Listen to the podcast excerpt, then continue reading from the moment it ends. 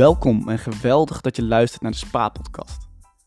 In deze aflevering hoor je het tweede deel van het gesprek met Rowan Nijboer. We gaan een stukje dieper in de mindset die je als actieve belegger nodig hebt om uiteindelijk de markt te gaan verslaan.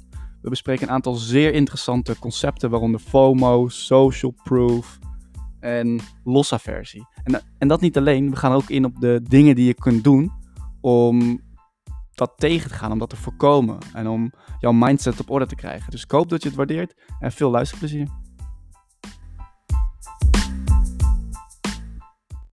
Mijn naam is Robin Seets en ik publiceer minstens één keer per week een nieuwe podcast voor millennials die slim met hun persoonlijke financiën om willen gaan. Zodat je vooral zelf een lekker mooi leven kunt leiden zonder financiële zorgen en zonder dat je iedere dag met je financiën bezig hoeft te zijn. De ene week laat ik een expert aan het woord om bijvoorbeeld moeilijke onderwerpen simpel uit te leggen. En de andere week is er juist een millennial te gast die eerlijke en authentieke verhalen komt delen over zijn of haar persoonlijke financiën.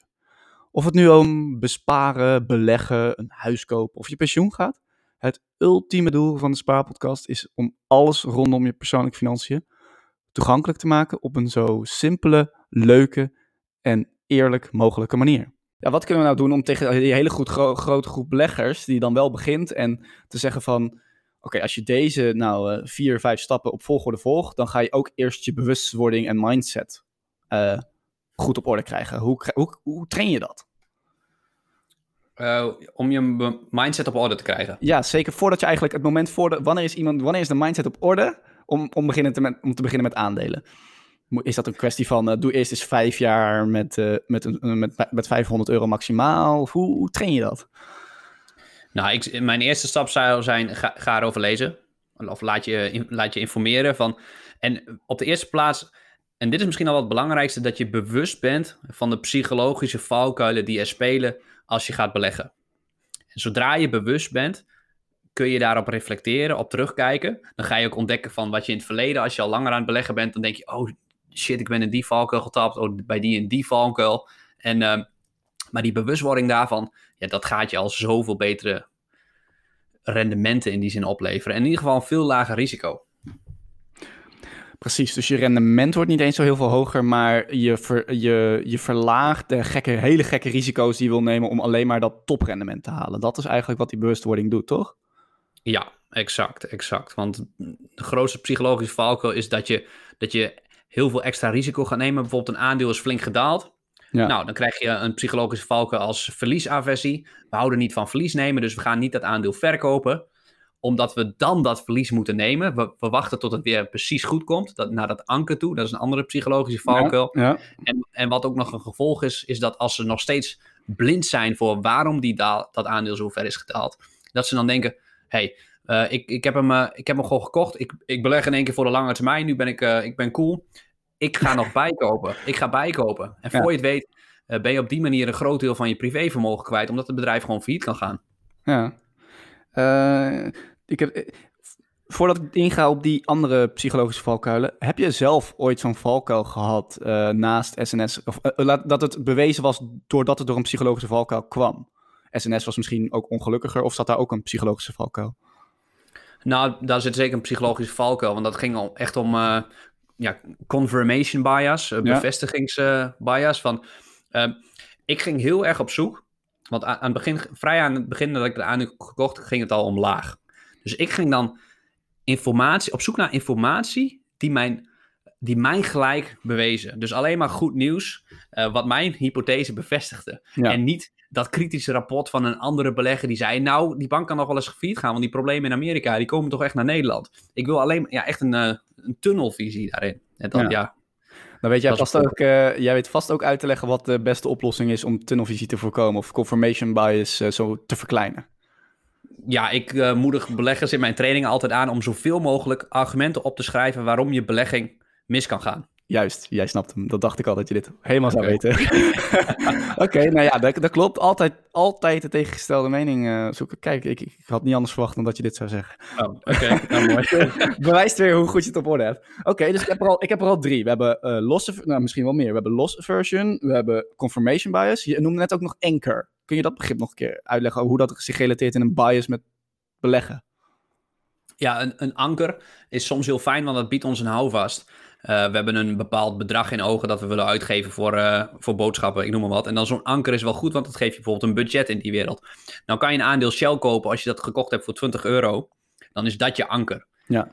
Als het aandeel lager gaat, wil je eigenlijk niet verkopen totdat dat anker weer bereikt is. Dat is je referentiekoers. Ja. Uh, ja, als je dat, we hadden het over Galapagos, dat stond ook op uh, 250 uh, euro een tijd geleden. Als je het op, toevallig op dat moment gekocht had, omdat je als laatste op die, die, die faceboot wilde springen, ja, dan is dat je anker. En dan gaat je nu, nu de beurskoers op 80 euro staat, ga je waarschijnlijk niet verkopen. Terwijl er, terwijl er fundamenteel nieuws is. Het bedrijf is wel degelijk veel minder waard, omdat ze heel slecht nieuws over die afkeuring van dat medicijn kregen. Ja. Oké, okay, en uh, een andere, je, je zei eerst de belangrijkste is um, loss aversion, maar je noemde ook de, een soort van social proof bias. Dus eigenlijk een van de belangrijkste dingen waarom het fout gaat, is omdat we het horen op een forum van onze zoon, vader, broer of uh, om, om tegenwoordig omdat we het zien op Instagram. Zeker. Welke is nog, is, is er eentje die nog belangrijker is of meer tot meer verlies leidt of die je... Uh... Nou, FOMO FOMO, FOMO oh, zou, ja, ik, zou ik zeggen. Dat, uh, ja, dat, je, dat je bang bent om iets mis te lopen. Hebzucht. Dat je nu uh, uh, vastgoed appartement gaat kopen. Echt op het top van de markt. Omdat iedereen het doet. Je hoort het om je heen dat mensen daar rijk mee worden. Ja, dan, dan als je als laatste op een feestje bent. En je gaat dan nog flink drinken. Ja, dan blijf je echt af met de, achter met de grootste kater. ja. Inderdaad. Betalen, betalen de domme voor de slimme, uh, of betaalt de 80% die verlies maakt voor de 20% die uh, winst maakt? Ja, ja, wel deels ja. Want als ik een aandeel koop, betekent dat iemand hem aan mij verkoopt en een van de twee kan maar gelijk hebben. En degene die zijn mindset beter onder controle heeft, zijn huiswerk beter heeft gedaan, ja, die zal dat op de lange termijn winnen. Dus een goede vraag om mezelf te stellen als ik een aandeel wil kopen is, uh, heb ik meer huiswerk gedaan dan acht van de tien mensen om mij heen? Ja, ja. En waarom heeft die andere, andere ongelijk? Waarom heb ik gelijk? Ja. Het zijn echt best, best wel veel, eh, heel veel slimme mensen die daar actief zijn. En ja, dit is nog wel een mooie psychologische valkuil. Artsen, artsen bijvoorbeeld zijn natuurlijk fantastisch in het werk wat ze doen. Hartstikke slimme mensen. Maar ja. zijn als groep best wel slechte beleggers. Omdat ze zichzelf overschatten. In hun werk zijn ze fantastisch. Daar worden ze ja, geadoreerd door uh, patiënten, door verpleegkundigen eventueel. Ja. En ze denken dat ze dat dan ook op de beurs kunnen. Maar ja, en dan ga je jezelf overschatten. En dan ga je dus de verkeerde beslissingen nemen. Ja, ja inderdaad. Goed. Uh, je noemde net het woord vastgoed. Laten we het heel eens even stilstaan bij vastgoed dan. Dat is een andere trend die we zien. Jij bent belegger. Nou ja, ik kan natuurlijk zeggen, beleggen in vastgoed is, is een hype. Dus we gaan niet heel de aflevering aan spenderen misschien. Maar wat is je blik dan op die hype rondom vastgoed en een appartementje kopen? Ja, ik, ik snap het, want het lijkt perfect. En in die zin, aandelen lijken voor veel mensen te onaantrekkelijk, omdat het zo ontastbaar is. Ja. Uh, bij, je kan een appartement kopen en dan uh, zie je gewoon die huurstroom elke keer. En je kan je rendement in die zin best wel goed perfect berekenen. Uh, maar ja, als je de huidige prijzen ziet en wat je dan krijgt voor het appartement en de huurstroom die daar tegenover staat. En wat nog wel eens vergeten, wat zijn de, de bijkomende kosten en dergelijke. Maakt het rendement naar mijn inziens uh, ja, zwaar inferieur naar wat je op de aandelenmarkt gaat halen. En ik denk, als je begint met één appartement, kijk, als je 100 appartementen hebt, dan heb je je risico wel aardig gespreid. Ja. Als je begint met één appartement, dan loop je ook een bepaald risico. En dan wordt aan voorbij gegaan dat je, dat je een tijdje leegstand hebt, of een verkeerde huurder, of, uh, of, of dat het uh, door brand, schade, dat soort aspecten. Je loopt echt wel risico dan. En het extra risico is ook om, het kan alleen uit als je er heel veel bij leent. Ja. Dan kan je er een acceptabel rendement ophalen. En ja, daar neem je wel een risico. Want wat als de rente is nu heel laag, maar wat als dat in de verre toekomst weer gaat stijgen? Ja, dan wordt lenen in één keer veel duurder. En dan zit jij met die lening. En dan uh, ja, gaan huizenprijzen ook omlaag als die rente gaat stijgen. Ja, uh, um, één appartement is net zo dom als één aandeel in je portefeuille hebben? ja, ja misschien, misschien wel. En uh, bij één aandeel kan je in die zin maar 100% van je geld verliezen daarin, alles wat daarin zit. En bij een huis, uh, als je dat niet goed doet, dan uh, moet je, en de lening moet je sowieso terugbetalen. En dan kan je ook nog uh, wat meer verliezen. Ja, dus het risico is ook nog eens groot. Ja, oké. Ja. Nou, ik, ja, kijk, als je een heel courant appartement koopt, dan zou je kunnen zeggen, en één aandeel is dan in die zin ook wel heel erg risicovol. Echt extreem risicovol. Ja, en wat is dat rendement? Je noemde het rendement is inferieur. Wat is dat geschatte rendement bij vastgoed volgens jou? Of waarom is het inferieur aan aandelen? Nou, als ik dat hier doorreken, als ik een appartementje in Zwolle op uh, Funda kijk en ik verwacht de verwachte huurstroom wat je daaruit kan krijgen, netto, ja, dan, dan zit je op maximaal 4, 5 procent, mits je daar een forse lening bij stopt. Als je, doe je het zonder, dan is het rendement nog veel lager. Uh, ja, dat, ja, op aandelen op de lange termijn, die doen gemiddeld, en dat weet jij als indexbelegger waarschijnlijk, de afgelopen 200 jaar doen een mooi gespreide man van met aandelen 7% gemiddeld. Ja. Dus, ja. Dus eh, oftewel iemand die vastgoed doet, die maakt minder rendement, moet er ook nog eens vervelende huurders hebben, uh, lekkage, risico's en ik doe eigenlijk helemaal niks. En, of laat ik zeggen ik, ik bedoel de indexbelegger doet eigenlijk helemaal niks en zit relatief veilig. Ja, denk ik wel, want je, je bent veel gespreider. En uh, ik, ik kan wel verklaren waarom dat rendement lager is op vastgoed. Uh, omdat het is heel simpel. Het is heel simpel. Uh, het is heel makkelijk begrijpbaar. En daarom stijgen die prijzen veel. Maar stijgende prijzen leidt uiteindelijk wel tot lagere rendementen. En ik denk dat zelf aandelen selecteren wat moeilijker is. Index beleggen is in die zin niet moeilijk, maar wel weer hartstikke slim. Ja, maar tegelijkertijd is wanneer je een aandeel begrijpt, dus vastgoed begrijpen mensen, en wanneer je iets begrijpt, dan is het een betere investering. Dus is dat misschien de paradox hier of zo? Uh, ja. ja, nee, dus voor heel veel mensen is misschien vastgoed en ook zeker als aanvulling, dat je in die zin je, vermogen gespreid hebt, is dat ook prima. Het heeft, het heeft, natuurlijk wel een drempel dat je een x bedrag ook nodig hebt om te beginnen met, uh, met een appartement kopen. En ja, je kan natuurlijk een garagebox kopen. Nou, denk ik, ja, ben ik daar wel, die rendementen daar zijn misschien nog laag. Omdat nog meer mensen, het is nog toegankelijker. Het is heel goed begrijpbaar. Garagebox, hoe simpel wil je het hebben? Ja. Uh, ja. Oké. Hoe, eh, je zei, in, nou ja, je noemde dat al, dat, de spreiding. Dus hoe kijk je daar dan naar? Dus je doet zelf tien aandelen. Um, hoe zorg jij dan dat het risico in jouw totale portefeuille toch geminimaliseerd wordt? Omdat tien aandelen uiteindelijk nog nou, best wel risicovol is eigenlijk.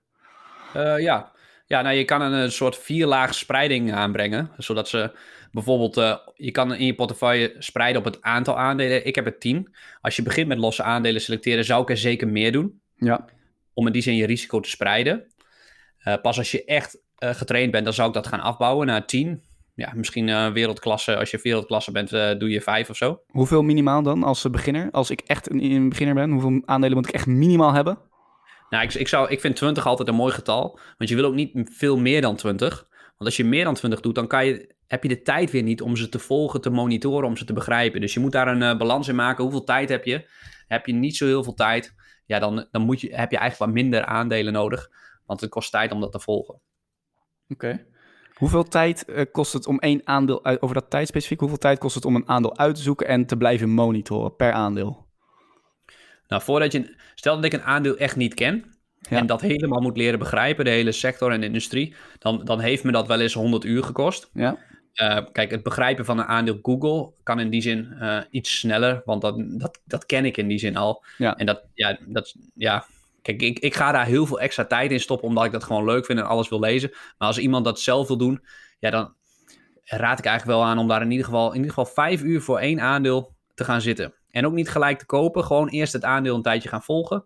En dan misschien na verloop van tijd, als je het beter leert kennen en het aan het monitoren bent, dan kopen. Of je koopt op het begin eerst een klein beetje. En dat je dan gaandeweg, als je het bedrijf beter leert kennen, meer feeling, uh, dat je dan wat meer koopt. En dat monitoren, ja, dat kost denk ik helemaal niet zoveel tijd.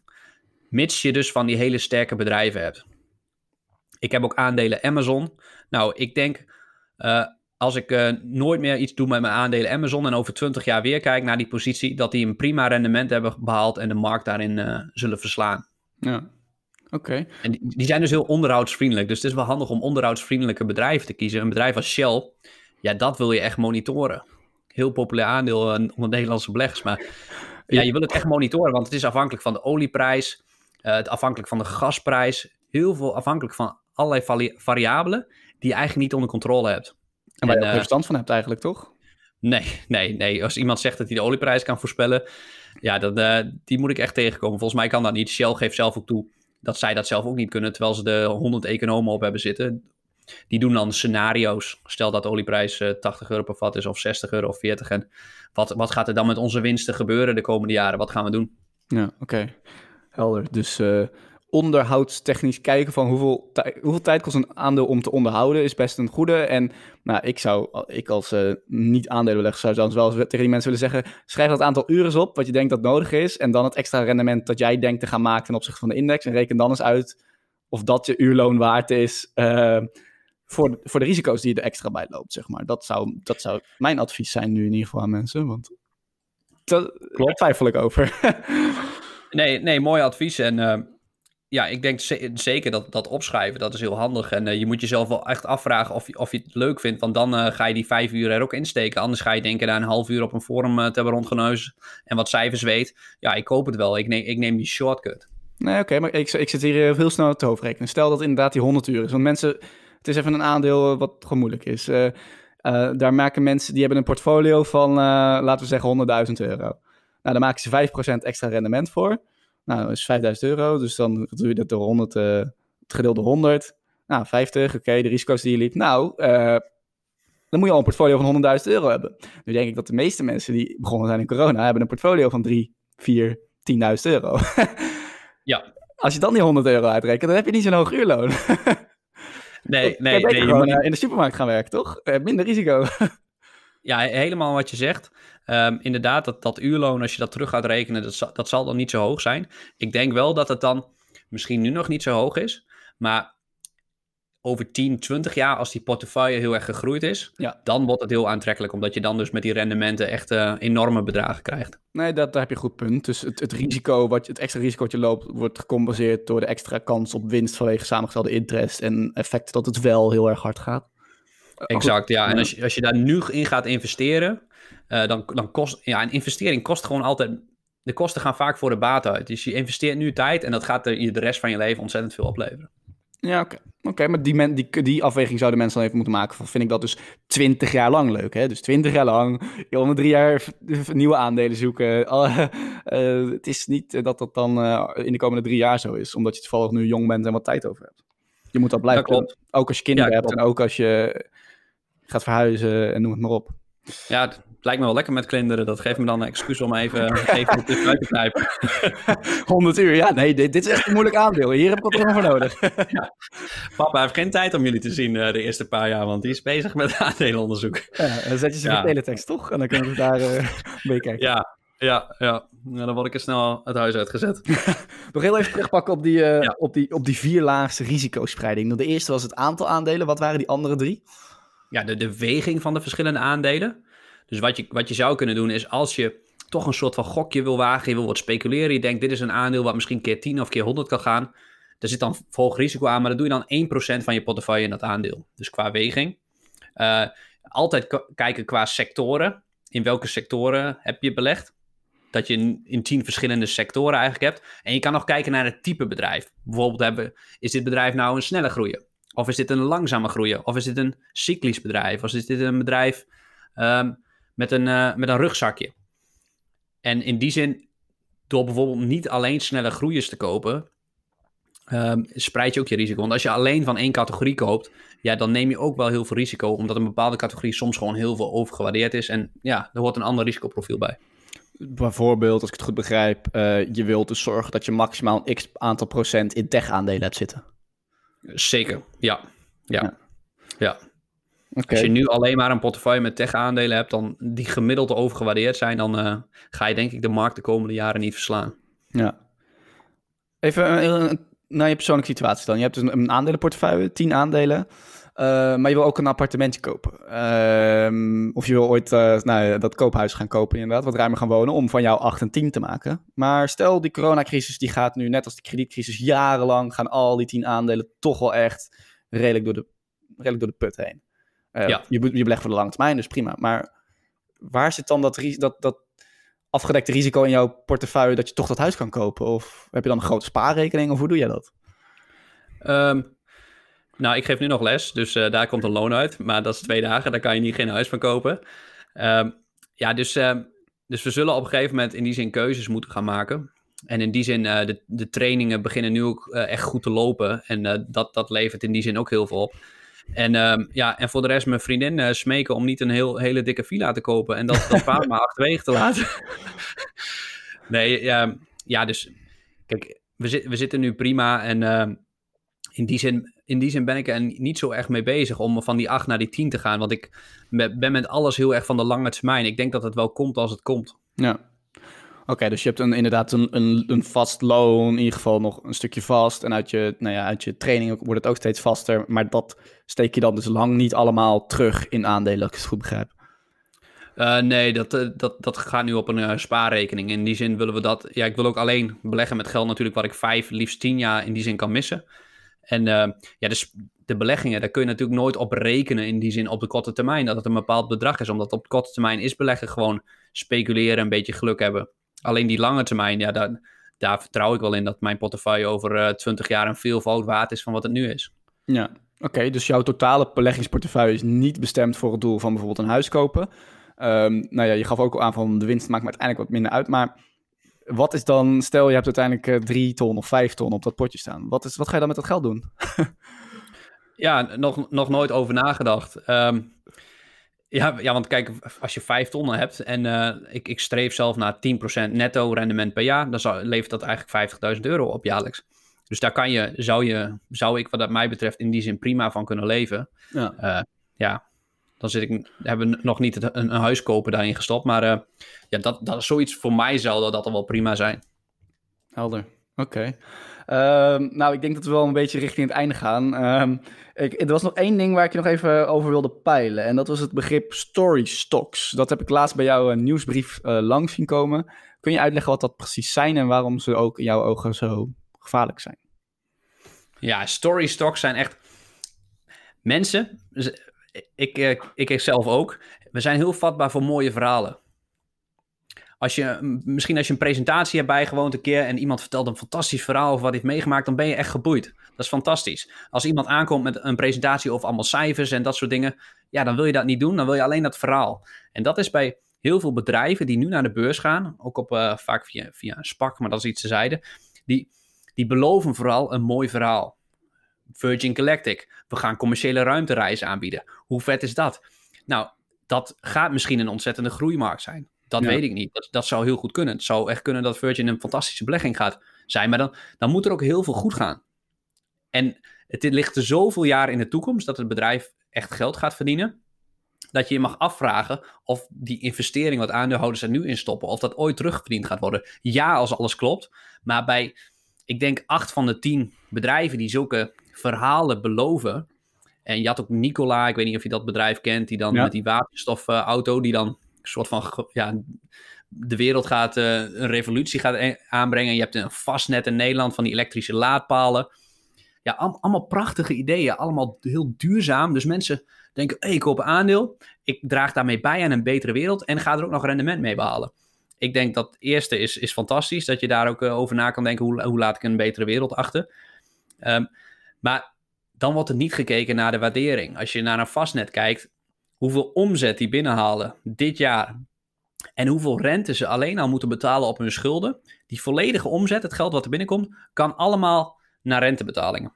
Dus een, een prachtig idealistisch uh, initiatief, maar als je kijkt naar de waarde die je betaalt voor dat aandeel dan, dan denk ik, oh, hier, gaan, hier gaan gemiddeld veel beleggers zich aan branden. Ik noem wat bedrijven, ik weet niet of een bedrijf het goed gaat doen de afgelopen 15 jaar op de aandelenmarkt hebben we ook ontzettend nederig gemaakt. Dat je ook sommige, dacht ik, aandelen van oh, dit, dit kan niet goed gaan, maar dat het dan toch goed gaat op een bepaalde manier.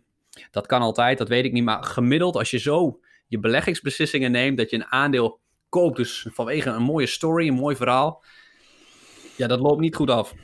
Ja, precies. Dus het gaat jou vooral uh, niet uh, zozeer om het. Er zitten altijd stories bij die heel succesvol gaan worden, want zo is niet voor niets de wereld veranderd in de afgelopen zoveel jaar. Ja.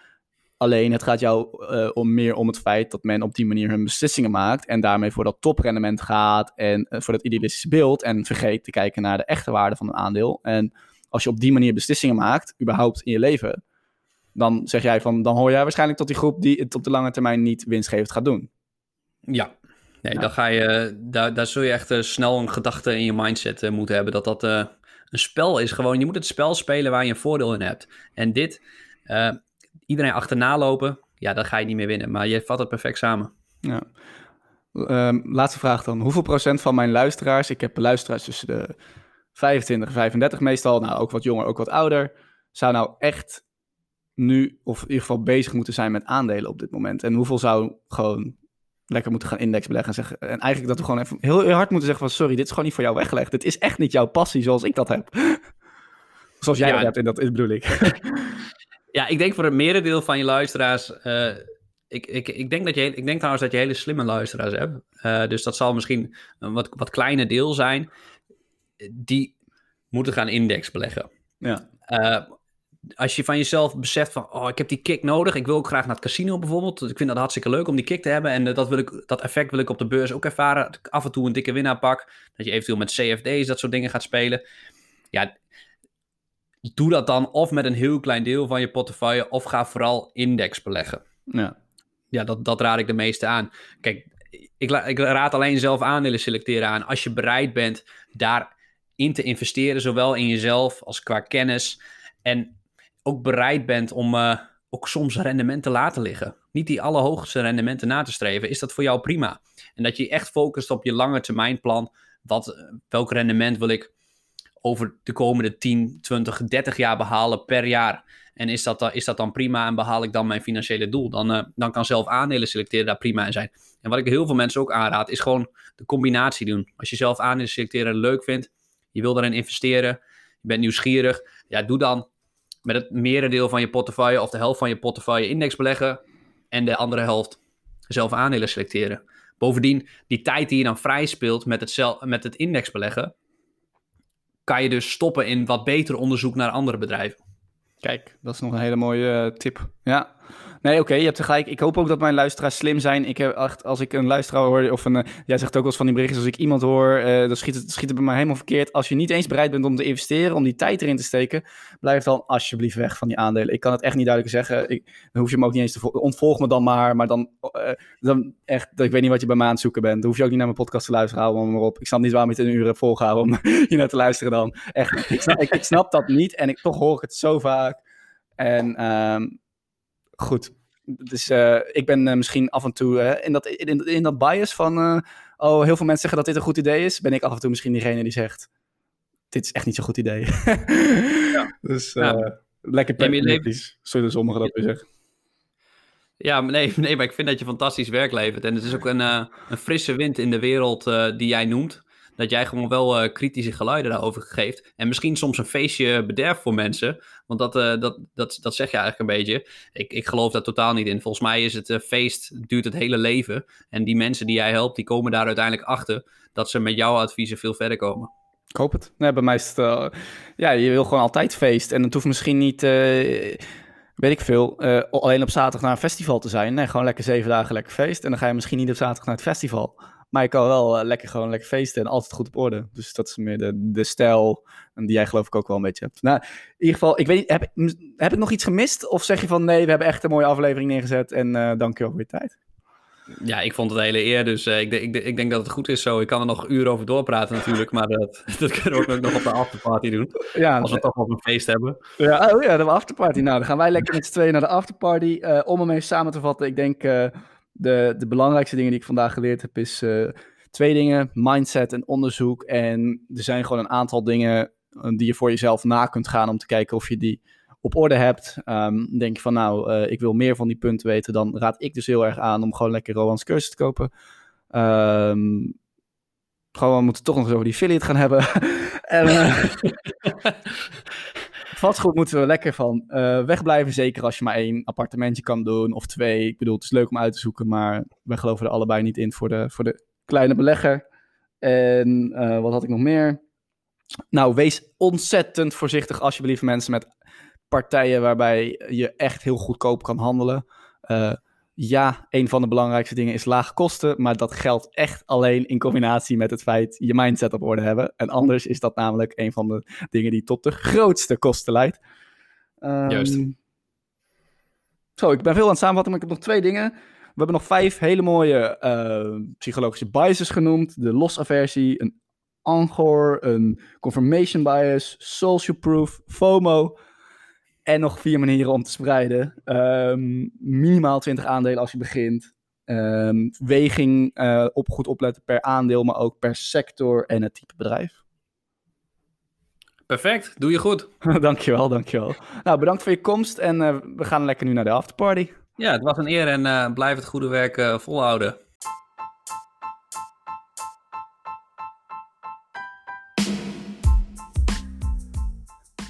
Bedankt voor het luisteren naar de Spa-podcast.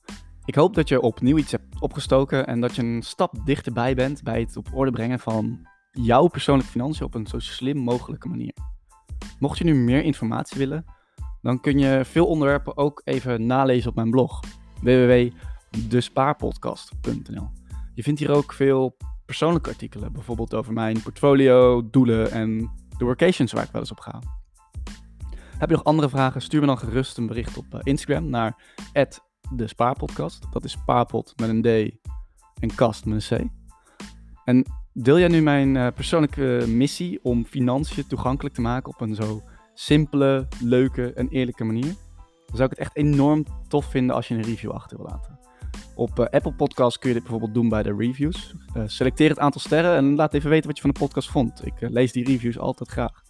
En zit je op Spotify, dan hoef je eigenlijk alleen maar even op volgen te drukken, want daar kun je nog geen reviews achterlaten je wordt dan wel altijd op de hoogte gehouden van nieuwe afleveringen. En wil je nu zelf een keer graag in de show komen, dan kan het ook. Contact me dan via Instagram, spaarpodcast, of mail me even naar Robin, R-O-B-I-N. Dit was hem weer en hopelijk tot de volgende keer.